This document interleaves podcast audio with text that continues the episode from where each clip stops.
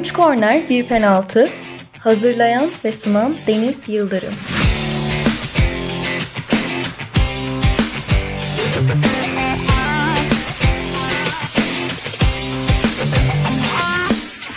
Üç Korner Bir Penaltı Podcast'ine hoş geldiniz. Ben Deniz Yıldırım. Bu programımızda futbol tarihinden öne çıkan çeşitli olayları, çeşitli hikayeleri, rekabet tarihlerini, derbi tarihlerini, beklenmedik şampiyonluk hikayelerini, Futbol Manager oyununun hayatımıza kattığı fenomen isimleri ve kupalar tarihinin ikonik anları gibi çeşitli konularımız olacak. Bunları sizlere elimden geldiğince ve dilim döndüğünce anlatmaya çalışacağım. İlk bölümümüzde ise tarihte karşımıza çıkan, gördüğümüz, üzülerek hatırladığımız çeşitli tribün facialarından bahsedeceğim. Bunları başlık olarak vermem gerekirse 5 ana facia üzerinde duracağız bu bölümde. Bunlar Heysel faciası, Lenin Stadyumu felaketi, Hillsborough faciası, 1967 yılında Kayseri Stadyumunda meydana gelen olaylar ve biraz enteresan bulduğum ve eşi benzerine az rastlanır olduğu için de bu akışta yer almasını istediğim Katmandu Nepal'de meydana gelen 1988 yılında bir doğal afet sonucu oluşan daha doğrusu bir doğal afetten dolayı meydana gelen bir tribün faciası. Bunlardan elimden geldiğince bahsetmeye çalışacağım. Çoğumuzun da bildiği gibi tribünlerde çoğu zaman istenmedik olaylar yaşanabiliyor. Yani ve futbol, basketbol gibi sporlar büyük kitleler önünde oynanan sporlar. Bir seyirci kültürü, bir tribün kültürü barındıran sporlar. Bu seyircilerin çok fazla olduğu yerlerde aynı şey konserler için de geçerli biliyorsunuz. Bazı istenmeyen durumlar ne yazık ki başımıza gelebiliyor ve bu durumda da istenmeyen sonuçlar da yaşanabiliyor. Bunlardan birincisi Heysel faciası.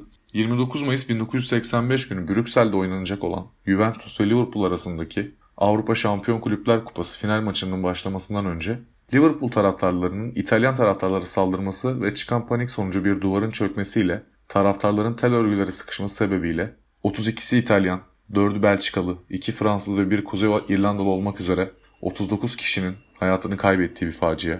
Bu olayda maç öncesi Brüksel sokaklarında özellikle İngiliz holiganların başını çektiği olaylarda pek çok kavga meydana gelmiştir. Maç başlamadan kısa bir süre önce arada güvenlik bariyeri olmadığı için holiganlar İtalyanların bulunduğu bölüme saldırmış. Ancak kendilerini korumak isteyen İtalyanların kaçış noktasındaki büyük duvar büyük duvarın çökmesiyle taraftarların kaçış, kaçışması, kaçması engellenmiştir. Çıkan arbede de az önce de belirttiğim gibi toplamda 39 kişi hayatını kaybetmiştir. Maçtan önce yaşanan olayları öğrenen Liverpool'lu oyunculardan Mark Lawrenson, Alan Hansen ve Kenny Dalglish sahaya çıkmak istemediklerini belirtmiş. Ancak oyuncuların bu isteklerini UEFA ve kulüp yetkilileri geri çevirerek maçın oynanacağını belirtmişler ve oyuncuların sahaya çıkmalarını sağlamışlardır. Bu çapta bir olaya rağmen final maçı boş tribünler önünde oynanmış. Juventus Michel Platini'nin ki kendisi zamanında UEFA başkanlığı da yapmıştı ve ne yazık ki adı çeşitli yolsuzluk soruşturmalarıyla anılmıştı. Kendisinin bu maçta Juventus formasını giydiği dönemde penaltıdan attığı bir golle Juventus kupayı bir sıfır kazanmıştı.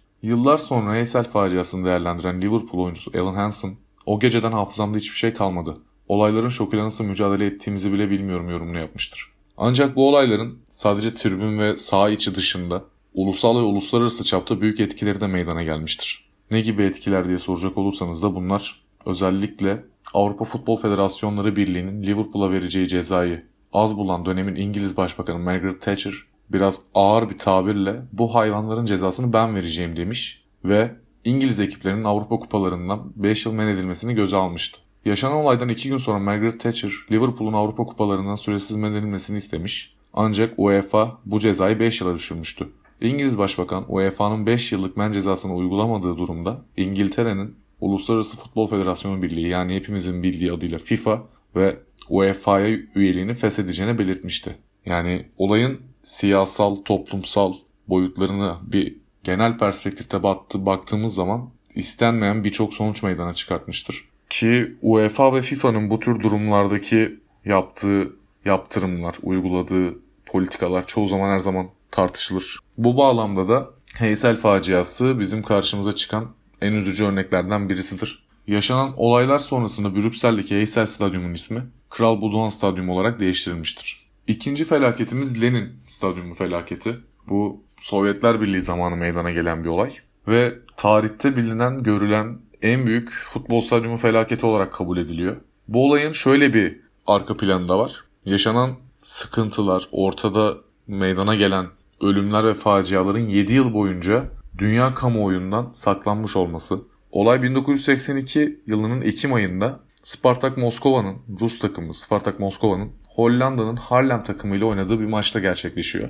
Maçın bitmesine saniyeler kala Spartak Moskova maçı 1-0 önde götürürken seyirciler yavaştan sahayı terk etmeye başlamışlardı. Seyircilerin sahayı terk etmeye başladığı sırada Spartak Moskova ikinci golü attı. Stadyumdan gelen büyük uğultular sonucu çıkış yapmak isteyen taraftarlar sahaya geri dönmeye çalıştı ve o sırada hala çıkmaya devam eden ve çıkmak isteyen taraftarlar arasında büyük bir arbede yaşandı. Yani bir sıkışma durumu meydana geldi.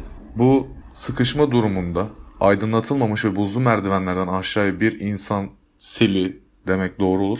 Aşağı doğru düşmeye başladı ve o dönem toplam 340 kişi hayatını kaybetti. 340 kişinin hayatını kaybettiği bu facia az önce de belirttiğim gibi tarihte görülen en büyük stadyum felaketi olarak karşımıza çıkıyor. Bu olay sadece 340 kişinin hayatını kaybetmesiyle alakalı ve sınırlı değil ne yazık ki. Şöyle bir durumda var. Daha önce de söylediğim gibi özellikle bölümün başında söylediğim gibi bu olay uzun bir süre saklanmaya çalıştı ki 7 yıl boyunca da bunu başardılar. Yani 1982 yılında yaşanan bu olay 1989 yılında ancak dünya kamuoyunun bilgisine sunulmuştu.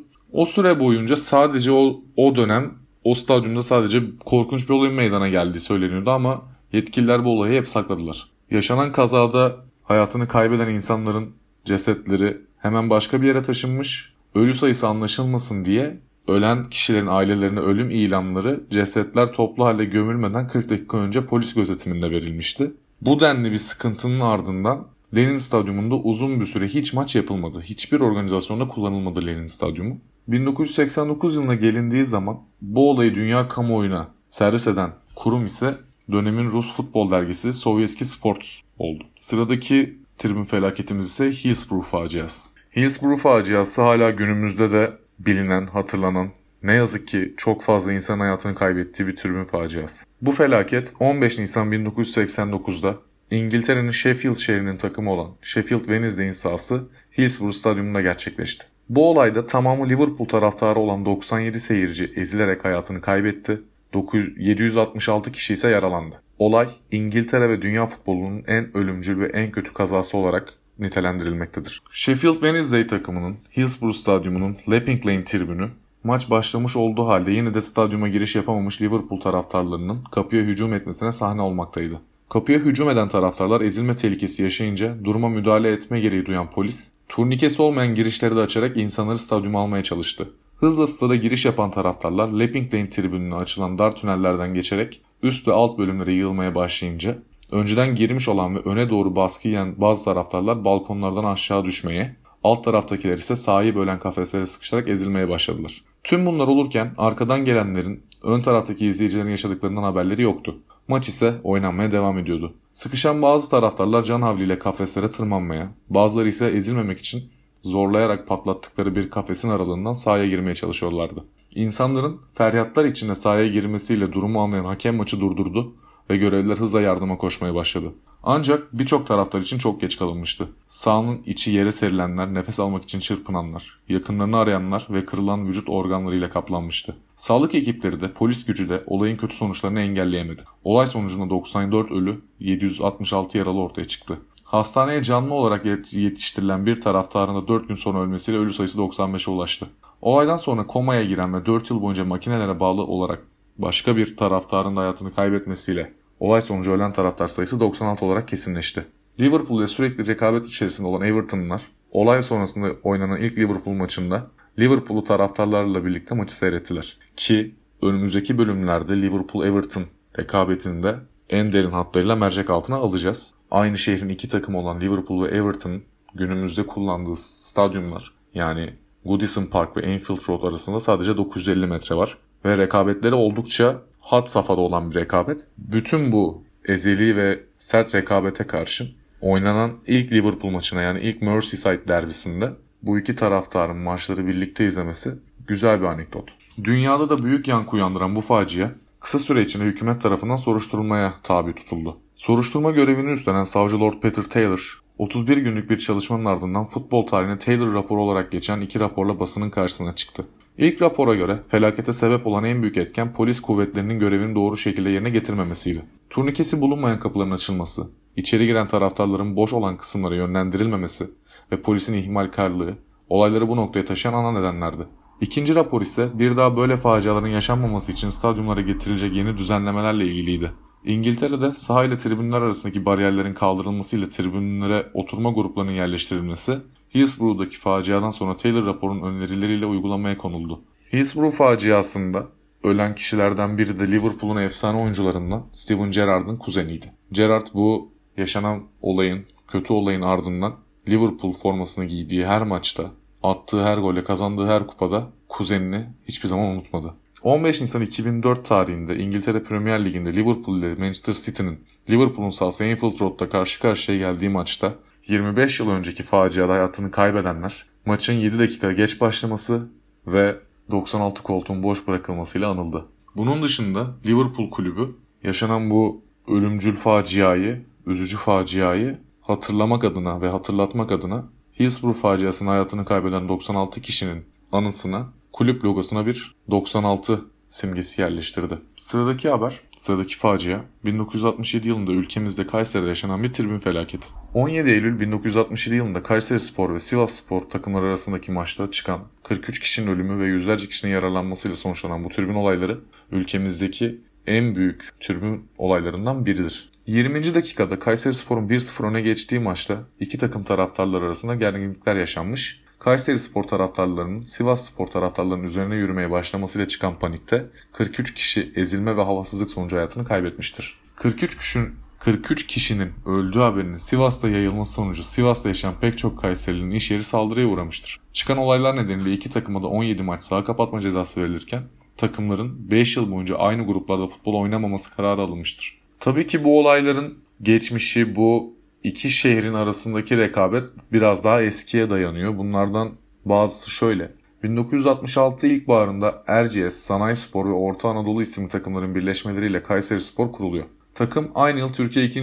2. Futbol Ligi'nde katılmaya hak kazanıyor. Sivas Spor ise 1967 Mayıs'ında kurulup 1967-68 sezonunda top koşturmaya başlıyor. 1967-68 sezonunun fiksürü belirleniyor ve iki komşu şehir arasındaki ilk karşılaşmanın 17 Eylül 1967 tarihinde Kayseri Atatürk Stadyumunda yapılacağı duyuruluyor. 1940'lardan o güne Sivas'ta ticaretin büyük ölçüde Kayseri tüccarların elinde olması Sivaslılar tarafından hoş görülmemekteydi. Çıkan tribün olaylarında bu faktörün de etkili olduğu ileri sürülmekte. 17 Eylül 1967'de oynanacak müsabaka, müsabaka öncesinde de Kayseri ve Sivas'ın başka kulüpleri arasındaki karşılaşmalarda da bazı olaylar yaşanmıştı. Bunlardan birisi 1965 yılında yaşanan Sivas Sümerspor ve Kayseri Şekerspor karşılaşmasına bazı taraftarlar yaralanmış. 1966 yılında oynanan Kayseri Hava Gücü ve Sivas Sümerspor karşılaşmasında da sakatlanma ve yaralanmalar meydana gelmişti. Kayseri Spor'un ilk defa karşılaşacağı maçtan 7 gün önce 10 Eylül 1967 tarihinde oynanan Kayseri Hava Gücü Sivas 4 Eylül maçında da iki takım futbolcular arasında olaylar çıkmıştı. Sivaslılar maçın oynanacağı gün 20 minibüs, 40 otobüs ve trenle Kayseri'ye ulaştı. 20 bin taraftarın yer aldığı maç saat 16'da başladı. Karşılaşmanın 20. dakikasında Kayseri Spor takımının futbolcusu Küçük Oktay attığı golle takım, takımını 1-0 öne geçirdi. O dönemki tanıkların anlatımlarına göre gole sevinen Kayseri taraftarlarına Sivas tribünlerinden tepkiler geldi. Sivasların Kayseri taraftarlarına taş atması sonucu panik başladı ve kaçışmaya başlayan çocuklardan ikisi ezilerek yaşamını yitirdi. Bu olayların ardından Kayseri taraftarlarının amigoları tribünleri galeyana getirmesiyle birlikte Kayserililer bıçak, taş ve sopalarla Sivas spor taraftarlarının üzerine yürümeye başladı. Bunun üzerine Sivasların yer aldığı tribünde yaşanan panik sonucu binlerce Sivas taraftarı demir kapılara yüklendi. Demir kapıların açılmaması ve stat çıkışındaki düzensizlikler yüzünden 41 Sivaslı olay yerinde havasızlık ve sıkışmadan dolayı yaşamını yitirdi.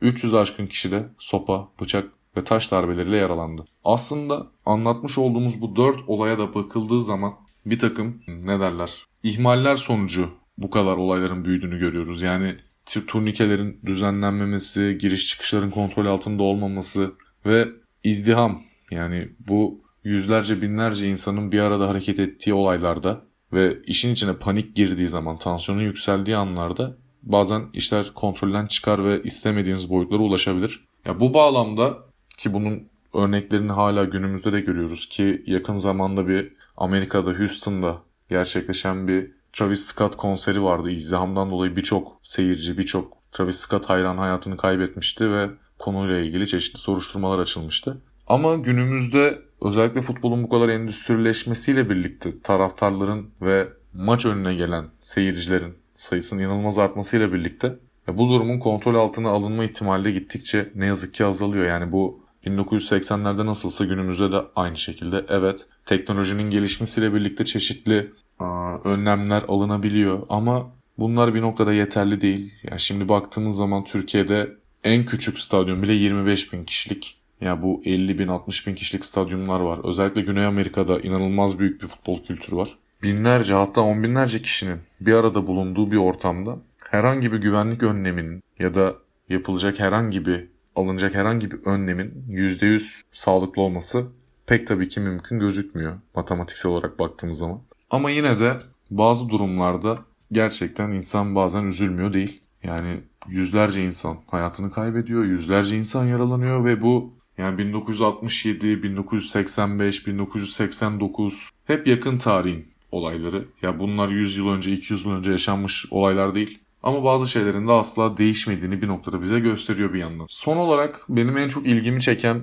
mevzu Nepal'de, Asya'da meydana gelen bir durum. Ki Nepal, Katmandu biliyorsunuz Everest Dağı'nın büyük bir kısmının sınırları içerisinde barındıran bir Asya ülkesi.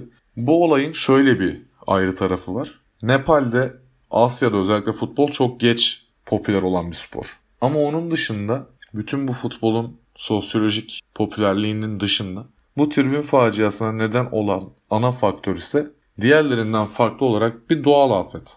1988 yılında Daşrat Stadyumunda meydana gelen olayda yaklaşık 70 kişi hayatını kaybediyor.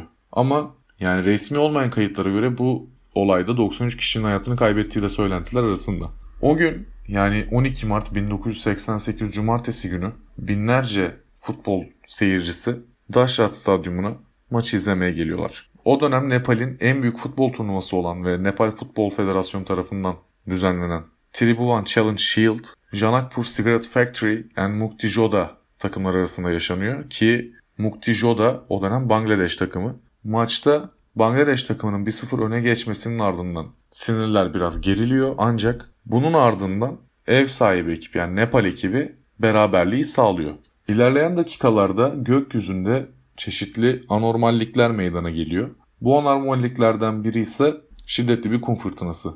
Yaklaşık 80 kilometreye kadar ulaşan, ulaşan kum fırtınası o dönem yani ağaçların yerinden söküldüğü, çatıların havada uçtuğu ve binlerce taşın, binlerce, yüzlerce cismin havada uçuşması sahaya büyük bir etkide bulunuyor ve bununla birlikte binlerce insan bu olayda olayın getirdiği panikle maçın heyecanını, stresini unutup çıkışlara yönelmeye başlıyor. Tıpkı diğerlerinde olduğu gibi. Yani Faysal faciası hariç yani atıyorum Hillsborough faciasında olduğu gibi. Büyük bir ihmal meydana geliyor Kayseri'de yaşanan olay gibi. Kapıların kilitli olmasıyla yüzlerce kişinin bu panik haliyle çıkışlara yönelmesiyle onlarca kişi hayatını kaybediyor ve yüzlerce insan yaralanıyor. Bu olayın ardından yani inanılmaz çığlıklar yani gerçekten bir insanın hayal bile edemeyeceği bir panik ortamı, bir sıkıntı ortamı mevcut. O dönem 1988 yılında olayların ardından açıklanan rakamlar 70 ölümün olduğu yönündeyken resmi olmayan kayıtlara göre 93 kişinin öldüğü belirtiliyor. Ve bu yaşanan durum kısa sürede dünya basınında kendine yer buluyor ve Nepal'in futbol ve spor tarihinin kara günü olarak kayıtlara geçiyor. Bu olayın ardından stadyumda uzun bir süre maç oynanmıyor ve ülke inanılmaz kaotik bir yaz durumuna geçiyor. Günümüzde hala Nepal'de düzenlenen organizasyonlarda, yaşanan sıkıntılarda ya da benzer durumlarda 12 Mart 1988 gününde yaşanan bu tribün felaketi hala hatırlanır. Hala hatırlanmaktadır. Yani bir ülkenin spor tarihinin en kara gününün o dönem aslında çok da popüler olmayan bir spor dalının getirisiyle meydana gelmesi çok üzücü bir durum. Özellikle Asya gibi genel olarak coğrafyada spor kültürünün çok fazla olmadığı ya da biz Avrupalıların bizim bildiğimiz spor kültürüne çok fazla sahip olmamalarına rağmen yine binlerce insanın bu müsabakalara ilgi gösteriyor olmasının yanında ne yazık ki ne yazık ki kötü tarafları da Batı ile benzer sonuçlara çıkıyor. Yani Doğu, batı ya da güney, kuzey bunlar fark etmeksizin bu yaşanan facialar, ölümler, kavgalar veya kazalar global bir sorun ve bu sporun ne yazık ki genetik kodlarına işlenmiş bir durum. Uzun zamandır yakın geçmişte özellikle 2000'li yıllardan beri tribünde meydana gelen çok fazla bir facia görmüyoruz. Ya tabii bunun kendi içinde istisnai durumları var. Atıyorum Mısır'da bir maçta çıkan siyasi olaylar sonucu 74 kişi de hayatını kaybetmişti. Benzer durum Güney Afrika'da da yaşanmıştı. Guatemala'da da benzer sıkıntılar 2000'li yıllarda yaşanmıştı. Ancak bunlar çok fazla basında yer alan veya dünya gündemine bomba gibi düşen olaylar değildi. Diğer haberlerin aksine atıyorum işte İngiltere Ligi ya da Avrupa Şampiyon Kulüpler Kupası finali ve benzeri büyük organizasyonlarda bu tür olayları artık görmüyor olsak da geçmişin izlerinden kurtulmamız ne yazık ki mümkün değil. Ve bu olaylardan teknolojinin getirileriyle birlikte bir nebze ders çıkartabilmiş olmamız güzel bir şey olmakla birlikte ne yazık ki bu olayların tekrar yaşanmayacağının herhangi bir garantisi yok. Ben bugün dilim döndüğünce, elimden geldiğince sizlere çeşitli tribün facialarından bahsetmeye çalıştım. Umarım keyif alarak dinlemişsinizdir. İlerleyen bölümlerde size çeşitli konularla futbolun anlatılmayan, bilinmeyen, çok fazla hatırlanmayan satır aralarıyla karşınızda olacağım. Görüşmek üzere.